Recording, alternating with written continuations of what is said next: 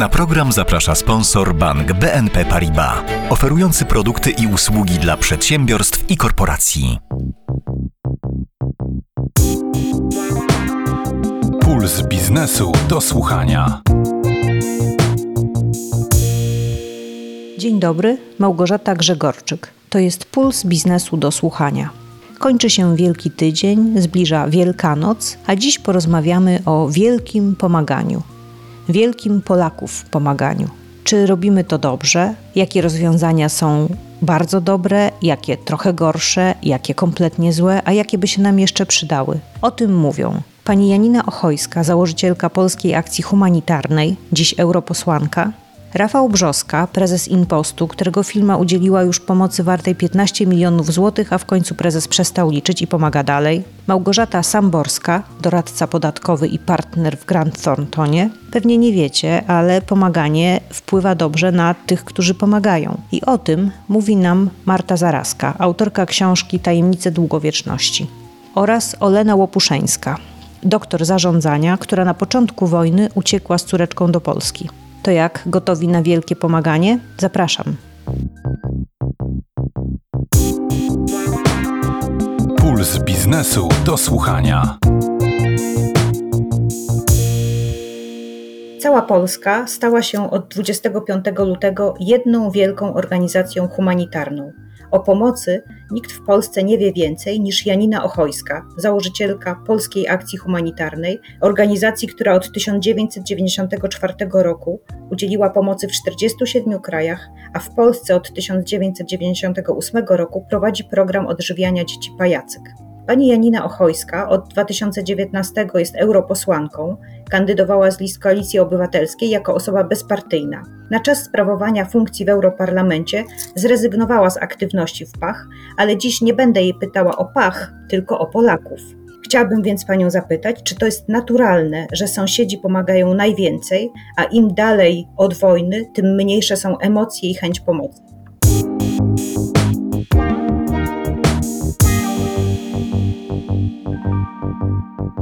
Tak jest i tak nie jest.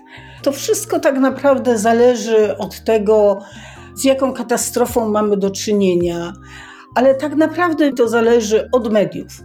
Pamiętam, jak ogromne tsunami w 2003 roku zniszczyło, no, mówiąc generalnie, Azję Południowo-Wschodnią, wiele krajów i wydawało się, że to było bardzo daleko, że wiele ludzi też nawet nie miało pojęcia, gdzie są niektóre z tych krajów, a jednak ta pomoc była przeogromna. Między innymi dlatego, że media bardzo dużo mówiły o tym, zginęło 200 tysięcy osób ponad, więc skala tego była tak, tak ogromna, że było dużo informacji w mediach i dla Polaków czy dla innych krajów Europy, to było oczywiste, że trzeba pomagać. Tym bardziej, że też zginęło w tej katastrofie dużo Europejczyków, którzy wypoczywali w tych krajach.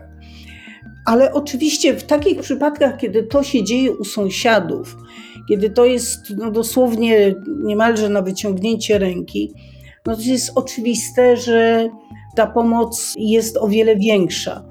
W przypadku konfliktu w Ukrainie, w przypadku wojny w Ukrainie, kiedy uchodźcy z tego kraju docierali przede wszystkim do Polski, mieli najbliżej, prawda? Więc y, nie mogliśmy na to patrzeć bezczynnie. Ci ludzie potrzebowali najróżniejszej pomocy. No i tutaj Polacy, trzeba powiedzieć, że zdali ten egzamin wspaniale. Jesteśmy podziwiani przez wiele krajów, przez y, wiele osób, zdają sobie ludzie sprawę z tego, że Polska rzeczywiście uczyniła coś niezwykłego. W dodatku fakt, że to w polskich rodzinach są uchodźcy ukraińscy w większości, też e, budzi ogromny podziw. No, dzieje się tak dlatego, że my nie mamy takich możliwości, czyli nie mamy ani ośrodków dla uchodźców, które by taką liczbę przyjęły, ani nie mamy możliwości zbudowania tak zwanych obozów dla uchodźców.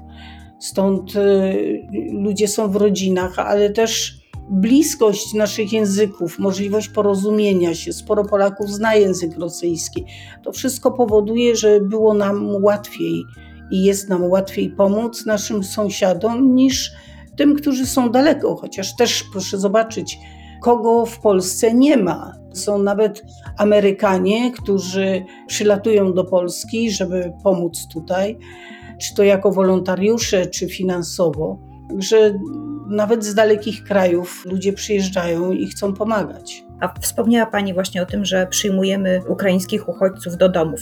Czy Pani zdaniem to jest dobry pomysł? Czy na dłuższą metę taki model może się sprawdzić? Czy gdzieś na świecie w ogóle coś takiego się kiedyś wydarzyło? Myślę, że wydarzyło się tylko w inny sposób, bo ludzie, którzy nie mieli schronienia, znajdowali go nie tylko w jakichś e, oficjalnych ośrodkach rządowych, ale również u ludzi. Może nie na taką skalę, tego nie wiem. Natomiast czy to jest normalne? No, taka była możliwość.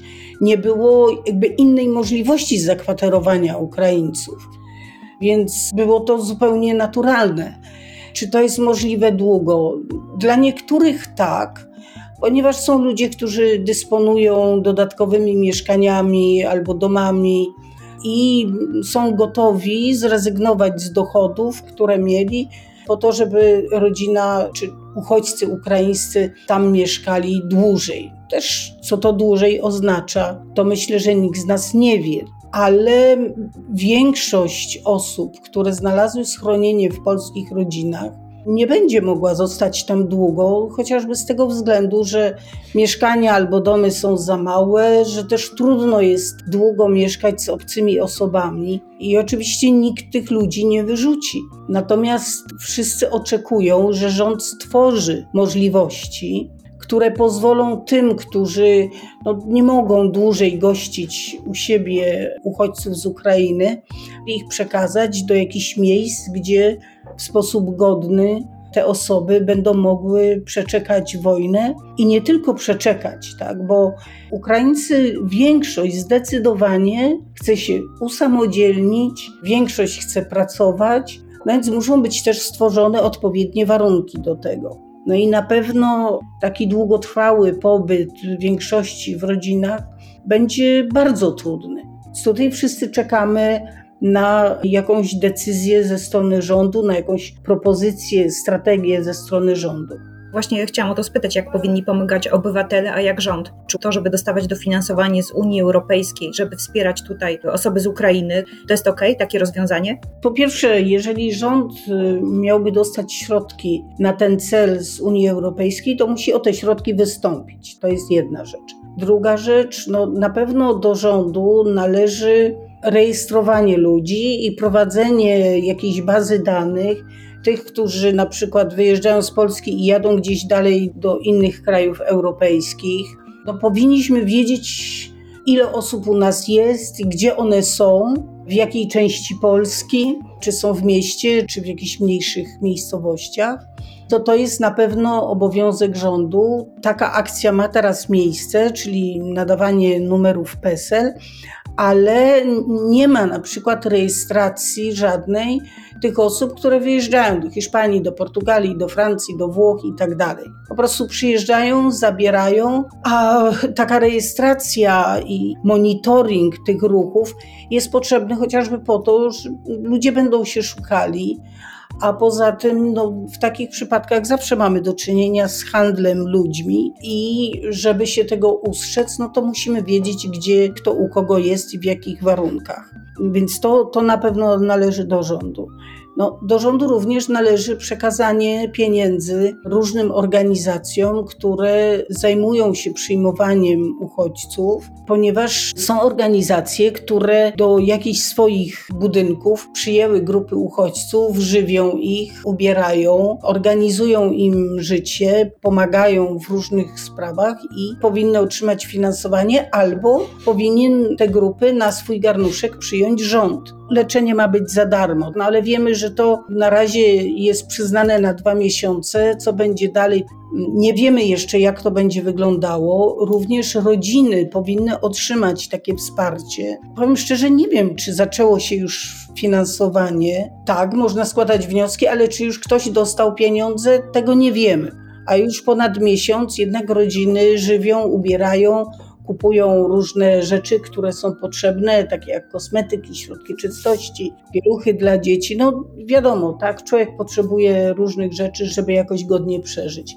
Więc to jest bardzo ważne. Ja zresztą uważam, że rząd y, popełnił tutaj błąd, bo finansowanie powinno iść za uchodźcami, a nie do rodzin, bo w rodzinie ktoś będzie tydzień, dwa tygodnie, potem będzie gdzie indziej, może ktoś wyjedzie do Włoch, bo zobaczy, czy tam nie będzie lepiej, a potem wróci. Więc tutaj lepiej, gdyby te pieniądze szły za uchodźcami. No ale to już też jest sprawa decyzji rządu. Co rząd jeszcze powinien? No ja bym oczekiwała tego, że rząd spotka się z organizacjami pozarządowymi, że skorzysta z naszego doświadczenia, z naszych umiejętności.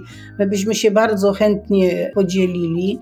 Także no dobrze by było, żeby jakby decyzje, które podejmuje rząd, nie były podejmowane tylko w ministerstwach. To oczywiście dla rządu jest na pewno bardzo ważne, ale żeby były podejmowane wspólnie z samorządami, które bardzo się angażują i które de facto teraz finansują pobyt uchodźców na różnych polach. I też samorządy będą potrzebowały pieniędzy, będą potrzebowały dofinansowania. Wiem na przykładzie mojego regionu, że na przykład Wrocław, który przyjął bardzo dużo uchodźców, no wprawdzie różnice pomiędzy ilością przyjętych uchodźców jest duża, bo jedni mówią, że jest ich 250 tysięcy, inni mówią, że jest 80 tysięcy. No ale zakładając, że to jest 80 tysięcy, samorząd we Wrocławiu dostał 1 227 tysięcy złotych 30 marca, no to, to wypada mniej więcej między 3 a 4 euro na osobę. No to wiadomo, że to jest za mało. Jakie kwoty dostały inne miasta, inne samorządy, tego nie wiem, no ale warto by się było tego dowiedzieć. Na pewno te potrzeby są o wiele większe. No i to pewnie na samorządy też spadnie odpowiedzialność przyjęcia tych osób, które są na razie w polskich rodzinach, ale no, będą musiały jednak zmienić miejsce zamieszkania, no i na to samorządy będą potrzebowały pieniędzy. I ostatnia taka uwaga dotycząca tego, kto co powinien. Jeżeli wojna rozszerzy się również na zachodnią Ukrainę, to ci, którzy dotychczas znaleźli schronienie w zachodniej Ukrainie, będą uciekali do Polski. Jest taka możliwość, że tych uchodźców będzie dwa, może nawet trzy razy więcej. No i e, jak na razie nikt nie wie, jaka jest strategia na ten moment. No a warto by było, żebyśmy już ją znali i żebyśmy mogli się do tego przygotować bo jako społeczeństwo, jako naród, jako rząd właściwie nie byliśmy przygotowani na przyjęcie takiej liczby uchodźców. To się stało dzięki zaangażowaniu społeczeństwa i jak na razie źle nie jest, no ale co dalej? A kogo trzeba o to spytać? No to już musi rząd. W ogóle obowiązek przyjęcia uchodźców spada na rząd. Tutaj społeczeństwo polskie podjęło się takiej opieki, no też ze względu na to, że nie było jakichś innych struktur przygotowanych, a poza tym to było w jakiś sposób naturalne, tak ale tutaj takie wyręczanie się polskim społeczeństwem no, nie wystarczy i to należy do rządu, tak jak do rządu należy przyjęcie na przykład afgańskich uchodźców, którzy od września, niektórzy od sierpnia są w ośrodkach dla uchodźców i nie ma dla nich żadnego programu. Jeżeli ktoś coś robi, to samorządy, to są inicjatywy prywatne, no ale jednak sporo ludzi pozostało w ośrodkach dla uchodźców. A czy przychodzi Pani do głowy jakiś kraj, z którego doświadczeń nasz rząd mógłby skorzystać? Jak przyjąć dwa miliony, albo tak jak Pani mówi, dwu lub trzykrotnie więcej uchodźców w miesiąc i stworzyć dla nich warunki do godnego życia? No w miesiąc to na pewno nie jest możliwe nigdzie.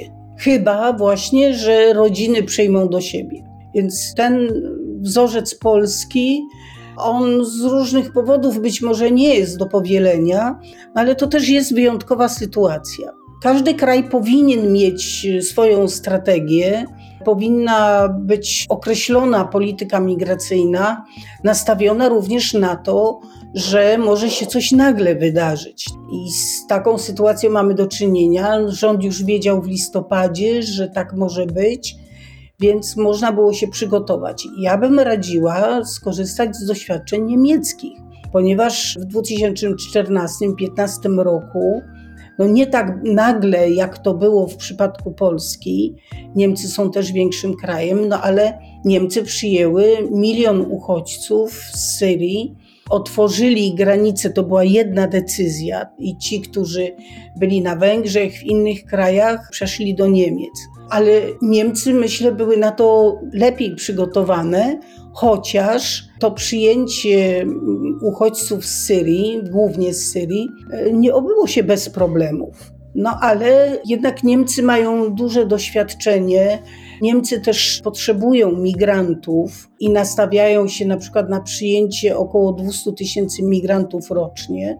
Tu już nie mówię o uchodźcach, mówię o migrantach, więc Niemcy na pewno mają wypracowane takie formuły, taką politykę mają.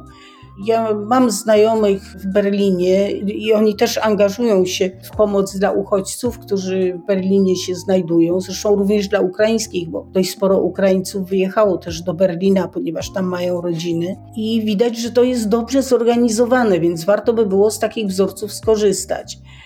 Na pewno takie kraje jak Szwecja, Dania, Norwegia, czyli kraje skandynawskie. Inna jest trochę polityka Francji. I y, powiem tak, nie powinniśmy korzystać z dawnych wzorców, bo one pokazały, że są jednak takie błędne założenia w przyjmowaniu uchodźców, skupianiu ich jakoś w jednym miejscu. Należy korzystać z tych nowoczesnych polityk. I tutaj no, pewnie każdy kraj europejski ma jakąś swoją politykę. Warto wyciągnąć te najlepsze wnioski, najlepsze praktyki i stworzyć wyjątkową politykę, z której potem mogliby czerpać wzorce inni. Ja zawsze do tego namawiałam, bo jednak mieliśmy bardzo mało uchodźców i mogliśmy przygotować sobie takie polityki, właśnie korzystając z różnych wzorców. No tak się nie stało, teraz jesteśmy zmuszeni robić ad hoc i szybko. No ale to też nie znaczy, że nie możemy korzystać z dobrych wzorców. Czy pani sądzi, że wojna w Ukrainie i ten zryw wolontariatu zmieni nas, Polaków, na trwałe? Bardzo bym tego chciała. Wszystko zależy od tego, jak to się odbędzie. Na pewno przyjęcie Ukraińców, uchodźców ukraińskich teraz do Polski, do polskich rodzin już wiele zmieniło, bo zobaczyliśmy, kim są uchodźcy, tak? że to nie są ludzie, którzy nam zagrażają, że to są ludzie, którzy potrzebują pomocy. Więc na pewno ta zmiana już się jakoś dokonała.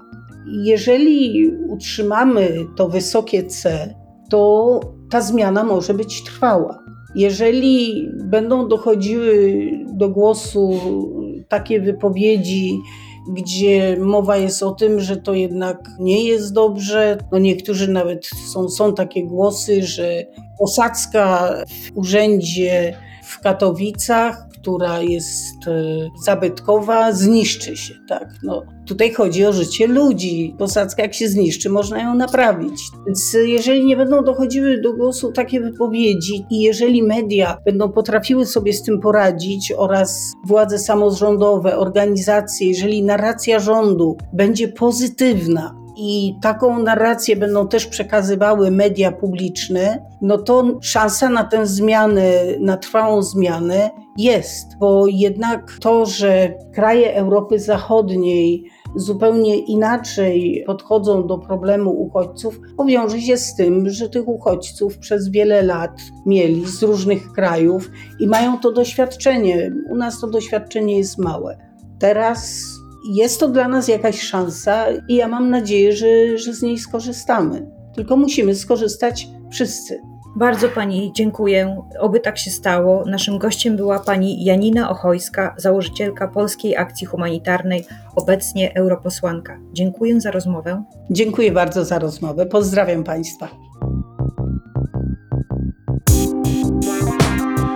Puls biznesu do słuchania.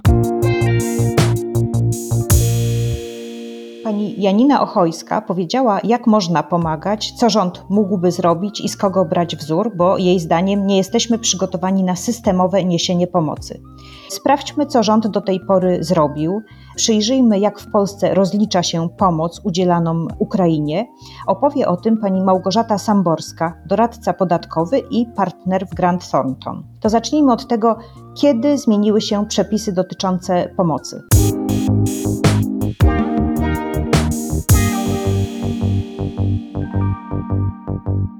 12 marca weszła w życie tak zwana specustawa ukraińska, która faktycznie wdraża określone rozwiązania dla osób, które niosą pomoc osobom poszkodowanym wskutek e, działań wojennych w Ukrainie. Co one zmieniły, czyli jaką pomoc można odliczyć od podatku, do jakich limitów, czy robi się to zmniejszając zaliczki, czy przy rocznym rozliczeniu? Co do zasady mamy tak, że jeżeli przekazujemy komukolwiek darowizny, to te darowizny nie są kosztem uzyskania przychodu. Do tej pory było tak, że tutaj mieliśmy wyjątek wtedy, kiedy przekazujemy na przykład wytworzone produkty spożywcze na rzecz organizacji pożytku publicznego i tylko takie darowizny mogły być kosztem, a zdecydowana większość innych darowizn mogła być jedynie odliczona od podstawy opodatkowania w zeznaniu rocznym, nie w zaliczkach tak było na przykład przy tych darowiznach covidowych, też na podstawie specjalnych przepisów, natomiast tutaj te przepisy nie zadziałają. W związku z tym takie typowe darowizny w dalszym ciągu możemy odliczyć od podstawy opodatkowania, natomiast tą korzyść osiągniemy dopiero w zeznaniu rocznym. No i tutaj oczywiście mamy limity. Ten limit to jest 6% e, naszego dochodu, jeżeli jesteśmy osobami fizycznymi, 10% dochodu, jeżeli jesteśmy przedsiębiorcami. Natomiast wracając teraz, co zmienia ta ustawa z 12 marca, ponieważ ona w żaden sposób nie uchyla tych przepisów istniejących, z tych w dalszym ciągu możemy korzystać. Ona nam dodatkowo mówi, że niektóre darowizny, niektóre koszty nabycia albo wytworzenia rzeczy będących przedmiotem tych darowizn możemy już zaliczać w koszty. Skoro możemy zaliczać w koszty, efekt możemy mieć już na etapie zaliczek, tak? Nie musimy tutaj czekać w zeznaniu rocznym. No aczkolwiek jest trochę warunków, żeby te określone wydatki zaliczyć do kosztów. Jakie to są warunki? No przede wszystkim to jest taka pomoc e, bardzo celowana. Kosztem jest wtedy, kiedy przekażemy albo na rzecz organizacji pożytku publicznego w Polsce albo w Ukrainie. Jeżeli to jest pomoc przekazana jednostkom samorządu terytorialnego, Rządowej Agencji Rezerw Strategicznych albo podmiotom medycznym, które świadczą usługi medyczne zarówno w Polsce, jak i w Ukrainie. Natomiast nie jest to tak, że jakakolwiek bezpośrednia pomoc świadczona przez firmę na rzecz już tych osób fizycznych poszkodowanych będzie takim kosztem uzyskania przychodu. A dlaczego tak jest? Dlaczego rząd nie chce tak zrobić? Dobre pytanie, dlaczego tak e, nie jest. Wiele firm nad tym mocno ubolewa, ponieważ no, zwłaszcza w, w lutym, w takim pierwszym odruchu, bardzo wiele firm to tak z odruchu serca czyniła zakupy, angażowała również swoich własnych pracowników do takiej takiej bezpośredniej pomocy, bo taka jest szybsza, efektywniejsza i bardziej celowana. Często jest tak, że tutaj znalezienie odpowiedniej fundacji czy jakiejś organizacji, no po pierwsze wymaga czasu, po drugie pojawiają się jeszcze dodatkowe koszty różnego rodzaju, koszty manipulacyjne, operacyjne, które powodują, że niecałe 100% naszej pomocy może być bezpośrednio przekazane.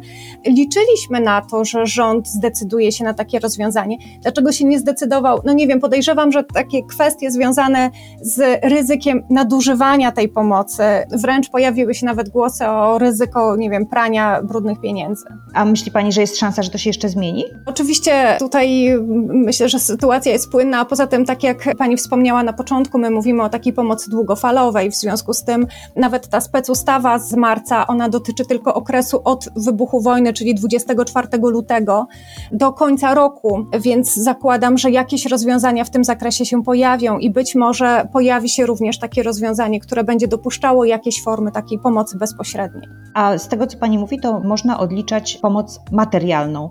Czy usługi też można jakoś rozliczać? Bo na przykład ktoś ma przedszkole, do którego przyjął dzieci z Ukrainy i nie pobiera z tego tytułu opłat. Tak, w pewien sposób tak, dlatego że jakby koszty wytworzenia tych usług związanych z darowiznami to jest również koszt uzyskania przychodu. Co to oznacza z punktu widzenia takiej osoby, która prowadzi przedszkole? No, że ona nie musi w żaden sposób wyłączać kosztów pracowników czy innych kosztów na rzecz tych dzieci przyjętych z Ukrainy. To są w dalszym ciągu w sposób taki oczywisty koszty dla tej firmy, a jednocześnie gdyby pojawiły się jakieś rzeczy nabywane w celu świadczenia tych usług, dodatkowe zakupy po to, żeby można było przyjąć te dzieci z Ukrainy do naszego przedszkola, to one również będą stanowiły koszt, pomimo, że one nie generują nam żadnego przychodu, czyli no tutaj naruszają te zasady ogólne mówiące o tym, że żeby coś było kosztem uzyskania przychodu, to musi to być niejako z myślą w celu osiągnięcia przychodów. To może tak podsumujmy. Może by Pani mogła podpowiedzieć, co jeszcze by się przydało w tych naszych przepisach podatkowych, żeby łatwiej było pomagać w Polsce? Dla mnie tutaj całkowicie takim niezagospodarowanym obszarem to jest taka pomoc też bezpośrednia świadczona przez osoby fizyczne na rzecz Ukraińców, dlatego że o ile jeszcze przedsiębiorcy no to mają te możliwości, mogą częściowo zaliczyć w koszty, jeżeli zrobią to przez odpowiednią organizację, no to osoby fizyczne te w żaden sposób nie mogą odliczyć wartości swojej własnej pracy czy rzeczy przekazanych na rzecz Ukraińców. W związku z tym dla osób fizycznych to zostaje w ogóle tylko takie rozwiązanie jak darowizna na rzecz organizacji pożytku publicznego, którą sobie uwzględnimy w zeznaniu rocznym. Także tutaj mamy taki obszar całkowicie niezagospodarowany. Często pojawiają się takie pytania dotyczące tego, a co jest wtedy, kiedy my udostępniamy mieszkanie naszym sąsiadom z Ukrainy w sposób nieodpłatny. To tutaj tylko pragnę uspokoić te wszystkie osoby, dlatego że no już wiele lat temu jakby Polska zrezygnowała z opodatkowywania przychodu w postaci takiego nieodpłatnego udostępnienia komuś mieszkania. W związku z tym my przynajmniej nie mamy z tego tytułu żadnych negatywnych konsekwencji podatkowych. Jednocześnie rodzina, którą gościmy, również nie ma z tego tytułu przychodu. Co jeszcze by Pani wprowadziła? Można by było myśleć w ogóle o bardziej systemowej pomocy. Ja tutaj ciągle, jak obserwuję to, co się dzieje, nie wiem, chociażby na etapie może nie tyle przedszkola, co bardziej szkół, to widzę potrzebę takiego całkowicie systemowego podejścia do kwestii chociażby edukacji dzieci w szkole, ale również i takiego wsparcia i odliczania różnego rodzaju wydatków z tym związanych. No chociażby tutaj szkoły nie znalazły się na tej liście. No mamy jednostki samorządu terytorialnego, no ale to znowuż, no czasem powoduje to, że na takim poziomie podstawowym to mamy problem z tym, komu my tą pomoc możemy przekazać, jak to musimy zorganizować, czy powinniśmy zadbać o kwestie dokumentacyjne, czy kwestie umów z odpowiednimi e, jednostkami, organizacjami, żeby pobrać jakieś oświadczenia, że ktoś przyjął takie darowizny w takiej wysokości, więc tutaj te kwestie na pewno wymagają jakiejś regulacji. Bardzo Pani dziękuję. Byłoby super, gdyby ktoś właśnie wysłuchał rad, jak można sprawę rozwiązać. Pani Janina Ochojska również wspominała o tym, że rząd na razie nie za bardzo się radzi organizacji pozarządowych, nie bardzo wysłuchuje tych głosów, jak rozwiązać tę kwestię, no ale liczmy na to, że to się zmieni. Bardzo Pani dziękuję za rozmowę. Naszym gościem była Pani Małgorzata Samborska, doradca podatkowy i partner w Grant Thornton. Dziękuję pięknie, do widzenia. Puls biznesu do słuchania. Skoro już wiemy, jak firmy mogą podatkowo rozliczać pomoc i czego brakuje, posłuchajmy, co na ten temat sądzi biznes. Naszym gościem jest pan Rafał Brzoska, prezes i znaczący akcjonariusz Impostu, który od początku zaostrzenia się wojny w Ukrainie bardzo zaangażował się w niesienie pomocy. Czy policzył pan, ile pan wydał na pomoc Ukrainie?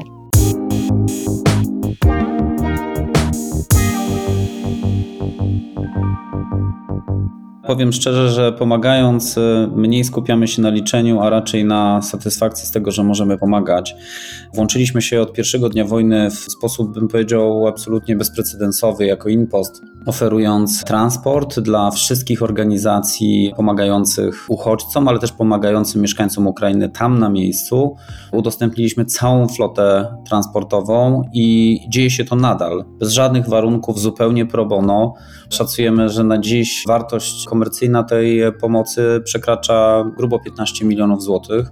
Jesteśmy największym partnerem dostarczającym pomoc na Ukrainę bezpośrednio dla PCK, ale też pracujemy z miastami, bardzo duża pomoc, kilkadziesiąt tirów e, z Warszawy, z Łodzi, z innych mniejszych miast, a także wspieramy rządową Agencję Rezerw Strategicznych, więc przestaliśmy liczyć i to jest tylko pomoc e, ze strony Impostu. Ja osobiście również wspólnie z moją partnerką, z Meną Mensach, pomoc zaangażowaliśmy się prywatnie i elementarnym e, takim filarem tej pomocy jest oczywiście edukacja, przyjęcie uchodźców i tu utworzyliśmy Centrum Edukacyjne w Warszawie w miesiąc czasu, które dzisiaj przyjmuje 100 matek z dziećmi dziennie matki przygotowują się do znalezienia pracy, otoczone są opieką psychologa, dzieci mogą liczyć na edukację, na kontynuację edukacji, to takiej bardzo ciekawej, przekrojowej, e, też połączonej z zabawą. I to wszystko udało się zrobić w miesiąc.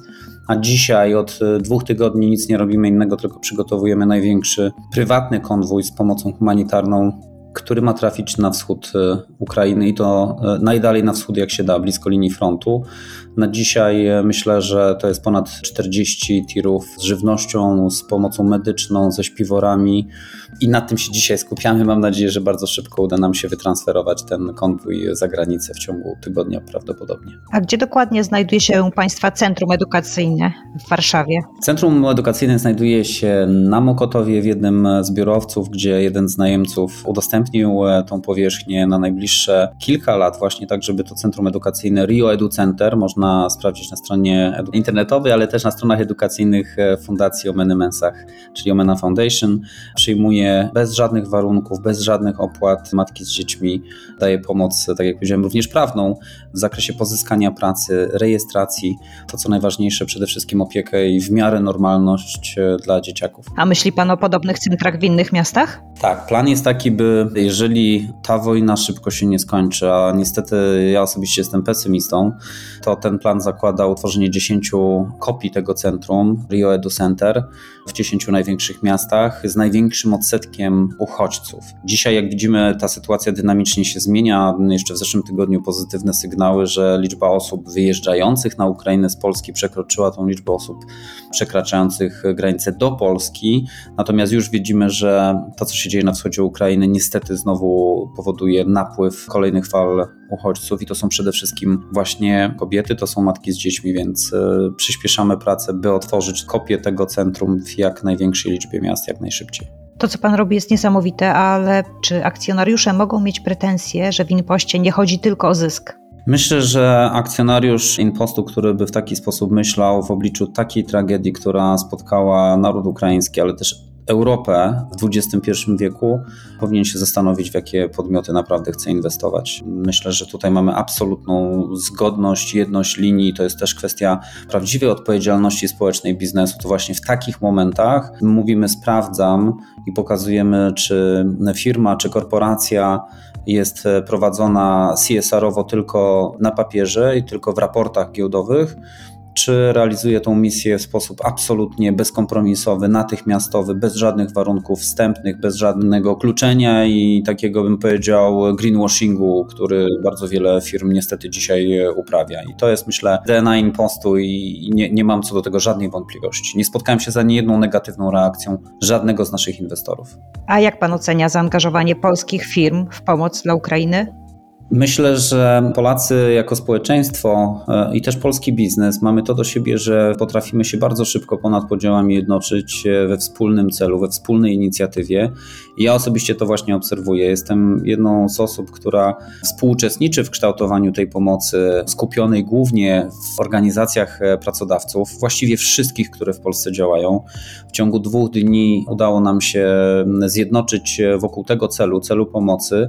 Wielu przedsiębiorców udostępniło podobnie jak Info, swoje zasoby materiałowe, produkcyjne, usługowe, lokalowe, właśnie by świadczyć pomoc uchodźcom i pomoc tym, którzy tam zostali na miejscu.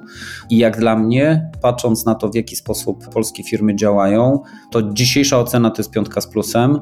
Jedyną moją obawą jest to, że niestety wraz z upływem czasu ten zapał będzie mijał i każdy będzie jednak już patrzył przez pryzmat takiej zastanej rzeczywistości. I to jest największa, najgorsza pułapka, jaka może się wydarzyć. Nie dopuśćmy do tego, gdyż Ukraina dzisiaj walczy tak naprawdę za całą Europę. Walczy też za nas, walczy za to, żebyśmy my i nasi pracownicy, nasze dzieci nie musieli pójść na front. I myślę, że zrozumienie tego i właściwe przekazanie tego komunikatu do społeczeństwa, póki co się udaje. Oby wystarczyło nam tego zapału na dłużej. Pan, tak jak prawdziwy przedsiębiorca, w ogóle się nie ogląda na państwo, ale zastanawiam się, czy państwo powinno mieć mechanizmy, które regulują udzielanie pomocy przez przedsiębiorców. Myślę, że to jest trudne. To znaczy, ja jednak widzę dwie strony medalu. Widzę to, że agendy rządowe powołane do niesienia pomocy, i mówię tu przede wszystkim o Rządowej Agencji Rezerw Strategicznych, kierowanej przez pana Michała Kuśmierowskiego, to jest absolutnie świetny partner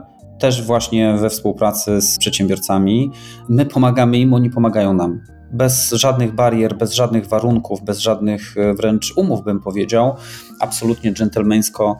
My możemy liczyć na nich, oni mogą liczyć na nas. Z drugiej strony jest jakiś taki mit, że państwo powinno brać za wszystko odpowiedzialność, a wszyscy sobie zdajemy sprawę, myślę, że wszyscy sobie zdajemy sprawę, że koordynacja w tak szybko zmieniającym się środowisku na odpowiedź na tak wiele zmieniających się potrzeb nie jest do rozwiązania jedną ustawą czy jednym podpisem, to jest praca systemowa. I tu ja oczekiwałbym tego od państwa, że państwo zamiast skupić się na być może mniej priorytetowych dzisiaj tematach, jednak te podwaliny systemowe zacznie kłaść, bo ta wojna się nie skończy za miesiąc. A mam wrażenie, że wszystkim się wokoło wydaje, że za miesiąc będzie wielkie zwycięstwo Ukrainy nad Rosją i wszystko się skończy. Nie, nie skończy się. I to właśnie tu być może zdecydowanie nie dowozimy jako państwo, jako całe społeczeństwo również, bo państwo to społeczeństwo.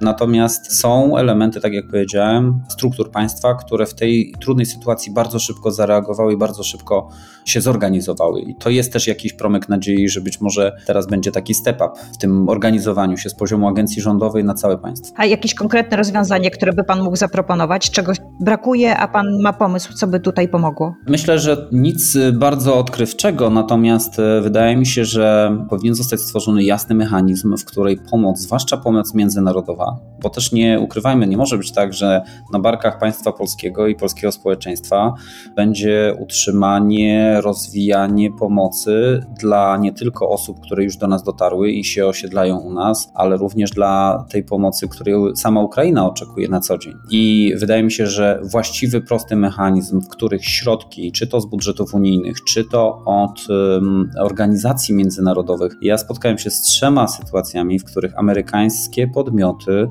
chciały podarować polskim NGO-som znaczące środki na poziomie 5 do 15 milionów dolarów na ich działalność i niestety mechanizm nie jest łatwy, zwłaszcza jeżeli chodzi o środki spoza Unii Europejskiej i większość niestety sprowadza się do tego, że on powinien, czy takie są sugestie, powinien być finansowany z budżetu państwa, czy też te środki powinny trafiać najpierw do budżetu, a później dalej. Nie, uproszczenie, skrócenie drogi do samorządów, do organizacji pożytku publicznego, które już dzisiaj utrzymują przyjmują ponad 2 miliony uchodźców, ale też do osób prywatnych. Bardzo wiele osób udostępniło kilka swoich mieszkań, które miało na wynajem, udostępniło uchodźcom. Tracą konkretne źródła utrzymania. I wystarczy po prostu, żeby ten minimalny czynsz został sfinansowany wtedy z takich środków właśnie pomocowych, strukturalnych, które Unia mogłaby uruchomić i każdy wnioskujący, który pokaże, że tak, pięć mieszkań zostało wynajętych dla uchodźców, przez ten okres wynajmu dla uchodźcy czerpie dalej pożytki pokrywane na przykład z budżetu Unii Europejskiej. Nie ma takich regulacji to jest w ogóle niemożliwe na dzisiaj w dzisiejszym stanie prawnym, więc zdecydowanie uproszczenie, skrócenie drogi, umożliwienie finansowania bez bezpośredniego przez czy to fundacje, czy firmy zewnętrzne, czy z budżetu unijnego do firm, osób i organizacji, które dzisiaj w sposób bezpośredni ponoszą koszty no, takiego, a nie innego e, przyjęcia uchodźców w naszym kraju. A czy jest coś, co się panu nie udało w wniesieniu pomocy Ukrainie? Szczerze powiem, staram się nie myśleć o tym, co się nie udało, tylko poświęcić tak wiele czasu, jak to możliwe, by zrobić jeszcze więcej, by pomóc każdemu, kto takiej pomocy oczekuje. I pewnie przyjdzie taki czas, ja przede wszystkim wierzę, że ten duży konwój prywatny, który z naszych własnych rodzinnych środków finansujemy, że on dotrze tam daleko na miejsce. Byłaby to dla mnie największa porażka, gdyby się okazało, że on nie dotarł tam na wschód, gdzie powinien dotrzeć.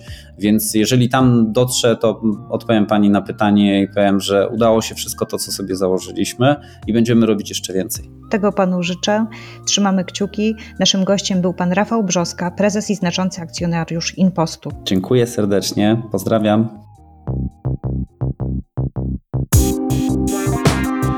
Puls biznesu do słuchania.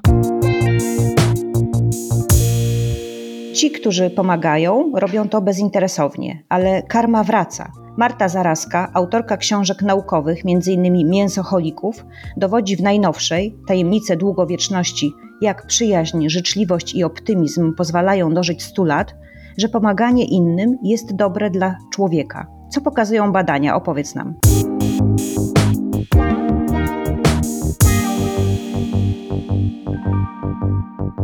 No niewątpliwie rzeczywiście pomaganie jest czymś, co jest niezmiernie ważne dla naszego zdrowia.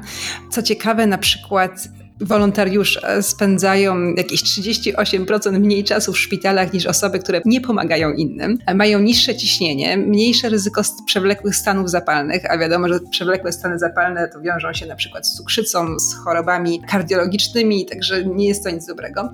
I jeśli chodzi o ogólne ryzyko przedwczesnej śmiertelności, to jest to mniej więcej podobny efekt do tego, który daje nam ta osławiona dieta śródziemnomorska. A wiadomo, że no jest to coś, co jakby jest pokazywane jako taki święty gral tak, tego zdrowego życia, dieta śródziemnomorska, a wolontariat ma właściwie taki sam efekt na naszą długowieczność, jak właśnie ta dieta. Ty porównywałaś jeszcze właśnie inne takie metody, które uważa się za przedłużające życie i bardzo dobre dla zdrowia. Co jest jeszcze oprócz tej diety śródziemnomorskiej, co jak wiemy, jak widać może zostać zastąpione przez właśnie wolontariat? Może zastąpione to nie jest najlepsze podejście. Idealnie to byłoby i jeść dietę śródziemnomorską i pomagać być wolontariuszem. Ale oczywiście, jeżeli już musimy coś wybierać, no to w pewnym sensie można zastąpić, ale najlepiej byłoby i zdrowo się odżywiać i pomagać pomagać innym. Natomiast jeśli chodzi o inne rzeczy, które są niezmiernie ważne dla zdrowia i o których bardzo mało się mówi, to właśnie oprócz diety i ćwiczeń, no to jest na przykład posiadanie szerokiej siatki przyjaciół, znajomych, sąsiadów, czyli takim bycie bardzo społeczną osobą, taką zintegrowaną w swoją siatkę społeczną. I to, co ciekawe, może mieć dużo większy wpływ na nasze zdrowie niż najlepsza nawet dieta i ćwiczenia. E, jest to porównywalne mniej więcej do tego, jeżeli ktoś, kto pali dwie paczki papierosów dziennie, przestaje palić. To mniej więcej tak samo korzystny efekt na nasze zdrowie ma to, że będziemy mieli korzenie głębokie właśnie w tej, tej naszej społeczności. Poza tym inne rzeczy, o których mówię w książce, no to na przykład znalezienie sensu życia, tak? To jest również bardzo ważne, coś, co Japończycy nazywają ikigai. Następnie mamy optymizm, inne cechy e, osobowości, na przykład takie jak sumienność, niebycie neurotycznym. Potem mamy także takie rzeczy jak yoga czy mindfulness. Jest też na przykład związek nasz romantyczny ma ogromny wpływ na, na nasze zdrowie. Tego jest naprawdę dosyć sporo. Oczywiście po przeciwnym końcu spektrum jest samotność, która jest no, niestety bardzo rujnująca dla naszego zdrowia. To teraz wróćmy jeszcze do pomagania innym, bo opisujesz w książce takie małe doświadczenie, które sama na sobie wykonałaś i sprawdziłaś, jak działało na ciebie to, że ty byłaś dobra, miła dla innych. Opowiesz nam o tym? Tak, muszę przyznać, że kiedy pisałam tajemnicę długowieczności, miałam dosyć sporo przygód i niektóre z nich były naprawdę fajne. Jedną z nich właśnie był ten eksperyment, który robiłam na sobie, znaczy eksperyment tak w cudzysłowie, bo jedna osoba to nie jest prawdziwa nauka. Natomiast e, było to robione w współpracy z naukowcami z King's College London, więc jakby chciałam na sama na sobie zrobić coś, co było robione na dużo większych e, próbkach, gdzie setki osób były analizowane, ale chciałam jakby tego sama doświadczyć. Więc to, to, co zrobiliśmy, to przez tydzień, trzy razy dziennie mierzyliśmy poziom hormonu stresu kortyzolu i jednocześnie przez trzy z tych dni były wyznaczone do tego, żebym robiła dużo dobrych uczynków, takiej drobnej, codziennej życzliwości. To nie, nie, mówimy tutaj o niczym wielkim, ale na przykład, nie wiem, kupiłam kanapkę dla osoby bezdomnej, zostawiłam taką małą karteczkę z uśmiechniętą twarzą na samochodzie sąsiadów, pozbierałam śmieci w drodze do sklepu osiedlowego. Takie naprawdę drobne, drobne rzeczy życzliwości. A resztę dni jakby żyłam zupełnie normalnie, nic nie zmieniała.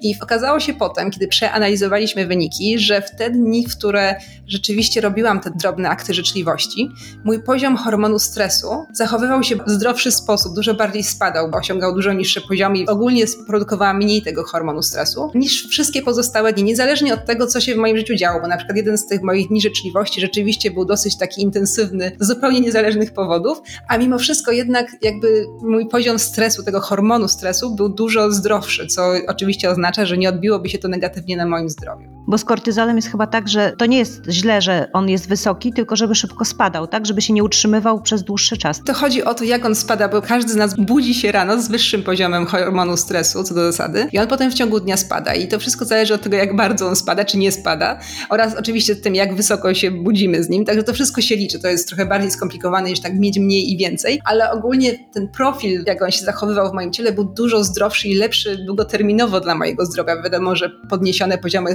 hormonu stresu łączą się z całym szeregiem negatywnych konsekwencji zdrowotnych, znowu te wszystkie wieńcówki, cukrzycę i tak dalej. A Twoja książka i Twoje mini doświadczenie, to wszystko zahaczało takie czasy, normalną sytuację, normalne życie, czasy pokoju. A my teraz mamy tuż obok wojnę i mamy prawdziwe dramaty ludzi i podejrzewam, że poziom stresu większości z nas jest y, bardzo wysoki i może to, co teraz się dzieje, czyli takie niesienie pomocy, to może nie przysporzy komuś więcej lat y, życia albo zdrowia, tylko raczej to jest sposób, jedyny możliwy sposób na poradzenie sobie z teraźniejszością. Co o tym sądzisz? Obie rzeczy są prawdziwe. To znaczy, rzeczywiście badania wykazują, że im więcej ktoś ma w życiu stresu, tym bardziej korzystnie dla niego działa pomaganie innym, ponieważ właśnie łagodzi ten stres, uspokaja nas. To też działa na przykład na różne obszary mózgu, takie jak ciało migdałowate na przykład. Jest ten ośrodek lęków i strachu w mózgu i on się wycisza, kiedy pomagamy innym. W związku z czym, jeżeli rzeczywiście ktoś się czuje bardzo zestresowany obecną sytuacją, to właśnie zaangażowanie się w pomoc może ten stres złagodzić, tak? To jest jedna sprawa. Natomiast druga sprawa, która jest bardzo ważna, to jest to, żeby pomagać z głową, to znaczy, żeby nie dać więcej niż się ma. Dlatego, że są też badania, które wykazują, że osoby, chodzi głównie o osoby, które zajmują się schorowanymi członkami rodziny i to zwykle te badania były robione na małżonkach, czyli mamy na przykład jakąś starszą panią, która zajmuje się swoim starszym schorowanym mężem i jeżeli takie osoby pomagają i dają z siebie tak dużo, że to je wyczerpuje, że nie śpią dobrze, że nie jedzą, że no po prostu padają na twarz tak przysłowiowo, to w tym momencie to się odbija na zdrowiu negatywnie. To znaczy trzeba po prostu uważać, żeby nie przekroczyć takiej granicy, kiedy to pomaganie właśnie nas wyczerpuje totalnie. Bo wtedy jest za dużo i jest niedobrze. To z wieloma rzeczami tak w życiu jest, tak? Nawet na przykład witaminy, które tam w małych dawkach są dobre, w dużych są bardzo niezdrowe. Albo mówi się na przykład, nie wiem, czerwone wino tej diecie śródziemnomorskiej, kieliszek tak, no ale jak ktoś już pije trzy butelki dziennie, no to jest na pewno niedobrze. I podobnie jest z pomaganiem. Ono jest dobre dla naszego zdrowia, ale jeżeli przesadzimy i damy więcej niż mamy, to w tym momencie to się może odbić negatywnie. No co za dużo to niezdrowo, stare, znane przysłowie w Polsce. A muszę Cię podpytać, wykorzystać to, że Ty mieszkasz we Francji. Zresztą sama się zaangażowałaś w pomoc i zaprosiłaś do domu uchodźców z Ukrainy. Powiedz mi, czy to jest we Francji powszechne? Powszechne może nie, dlatego że mamy tych uchodźców bardzo mało. Natomiast e, odpowiedź była rzeczywiście ogromna. Na samym początku, teraz nie znam obecnych liczb, ale wiem, że było dużo więcej ofert akomodacji niż mieliśmy uchodźców, więc niewątpliwie ta chęć pomocy jak najbardziej jest, tylko po prostu no, nie mamy aż tak dużej ilości uchodźców, bo po prostu nie przyjechali do Francji w takich liczbach, jak przyjechali do Polski. A jestem ciekawa, czy zmieniło się może jakoś postrzeganie Polaków, bo nam się tutaj na miejscu wydaje, że robimy coś nadzwyczajnego, ale ciekawa jestem, czy inni też tak uważają uważają, czy to jest raczej uważane za naturalne i że każdy by tak zrobił? No myślę, że dostaliśmy dużego plusa, tak? Znaczy w ogóle postrzeganie Polaków we Francji było zazwyczaj bardzo pozytywne w moim doświadczeniu, dlatego że we Francji emigracja polska kojarzy się z Chopinem i ze wszystkimi tymi artystami, pisarzami i tak dalej, więc zazwyczaj mieliśmy bardzo dobrą opinię już wcześniej. Natomiast myślę, że no to na pewno dało nam plusy i ludzie patrzą na to, co dzieje się w Polsce dosyć sporym podziwem. Chociaż tak mówię, no tutaj też ta pomoc jest, tylko że nie na tą samą skalę po prostu, bo tutaj no, jesteśmy daleko i nie odczuwa się tej wojny w ten sam sposób. Ludzie też nie są tak zestresowani tym, co się dzieje, bo jesteśmy daleko. Marta, wielkie dzięki za rozmowę. Mam nadzieję, że nasi słuchacze będą mogli Twoją książkę przeczytać sobie w spokoju, w spokojnych czasach, kiedy pomaganie nie będzie takim sposobem na radzenie sobie z rzeczywistością, tylko po prostu przyjemnością, którą można robić sobie w wolnych chwilach. Dziękuję ślicznie. Naszym gościem była Marta Zaraska, autorka książek naukowych, no i najnowszej Tajemnice Długowieczności, jak przyjaźń, życzliwość i optymizm pozwalają dożyć 100 lat. Dziękuję bardzo.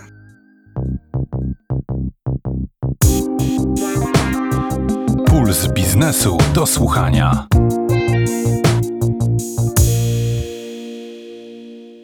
Skoro rozmawiamy o pomaganiu, to posłuchajmy, co o Polakach sądzi ktoś, kto uciekł do nas przed wojną. Olena Łopuszeńska, doktor zarządzania, która wykłada na Uniwersytecie w Połtawie, do Polski przyjechała z córeczką na początku marca. Sprawdźmy, jak nas postrzega.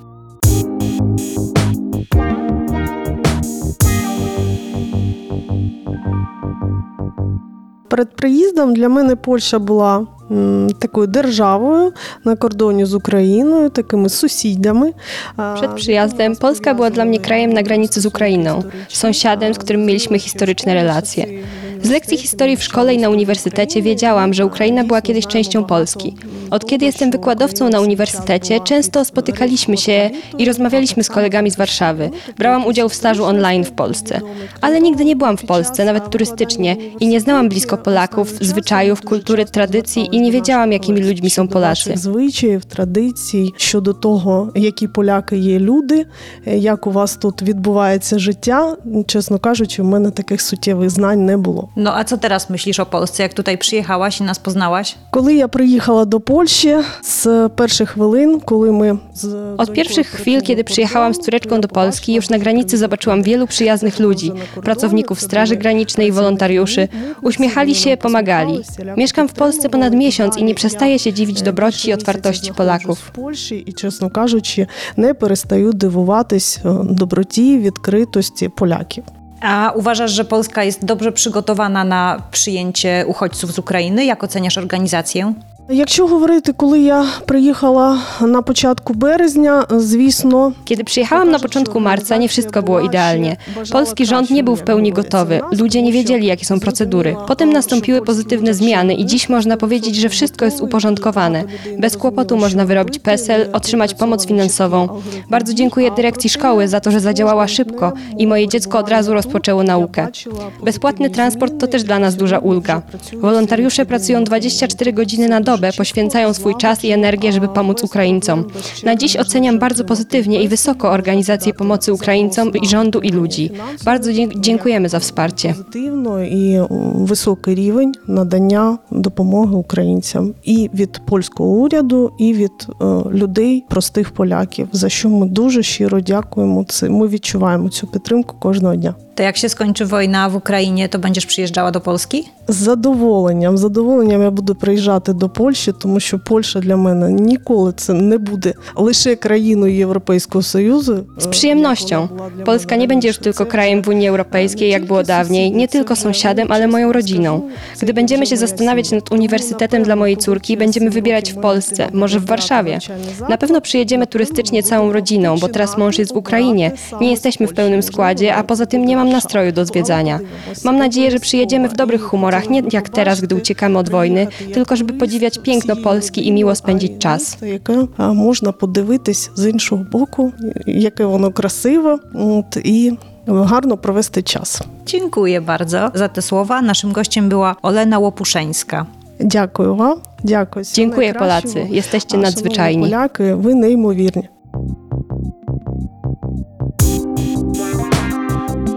Puls biznesu do słuchania. Słowa Oleny mogły nas wprawić w samozachwyt, ale pamiętajmy, co na początku powiedziała pani Janina Ochojska. Oby to doświadczenie nas zmieniło, obyśmy utrzymali to wysokie C. Czego sobie i Państwu na te święta wielkanocne życzę. A za tydzień Marcin Bołtryk opowie o tym, jak poszybowały ceny samochodów. To wszystko na dziś. Dziękuję za uwagę. Małgorzata Grzegorczyk. Do usłyszenia. Puls biznesu do słuchania. Na program zapraszał sponsor bank BNP Paribas, oferujący produkty i usługi dla przedsiębiorstw i korporacji.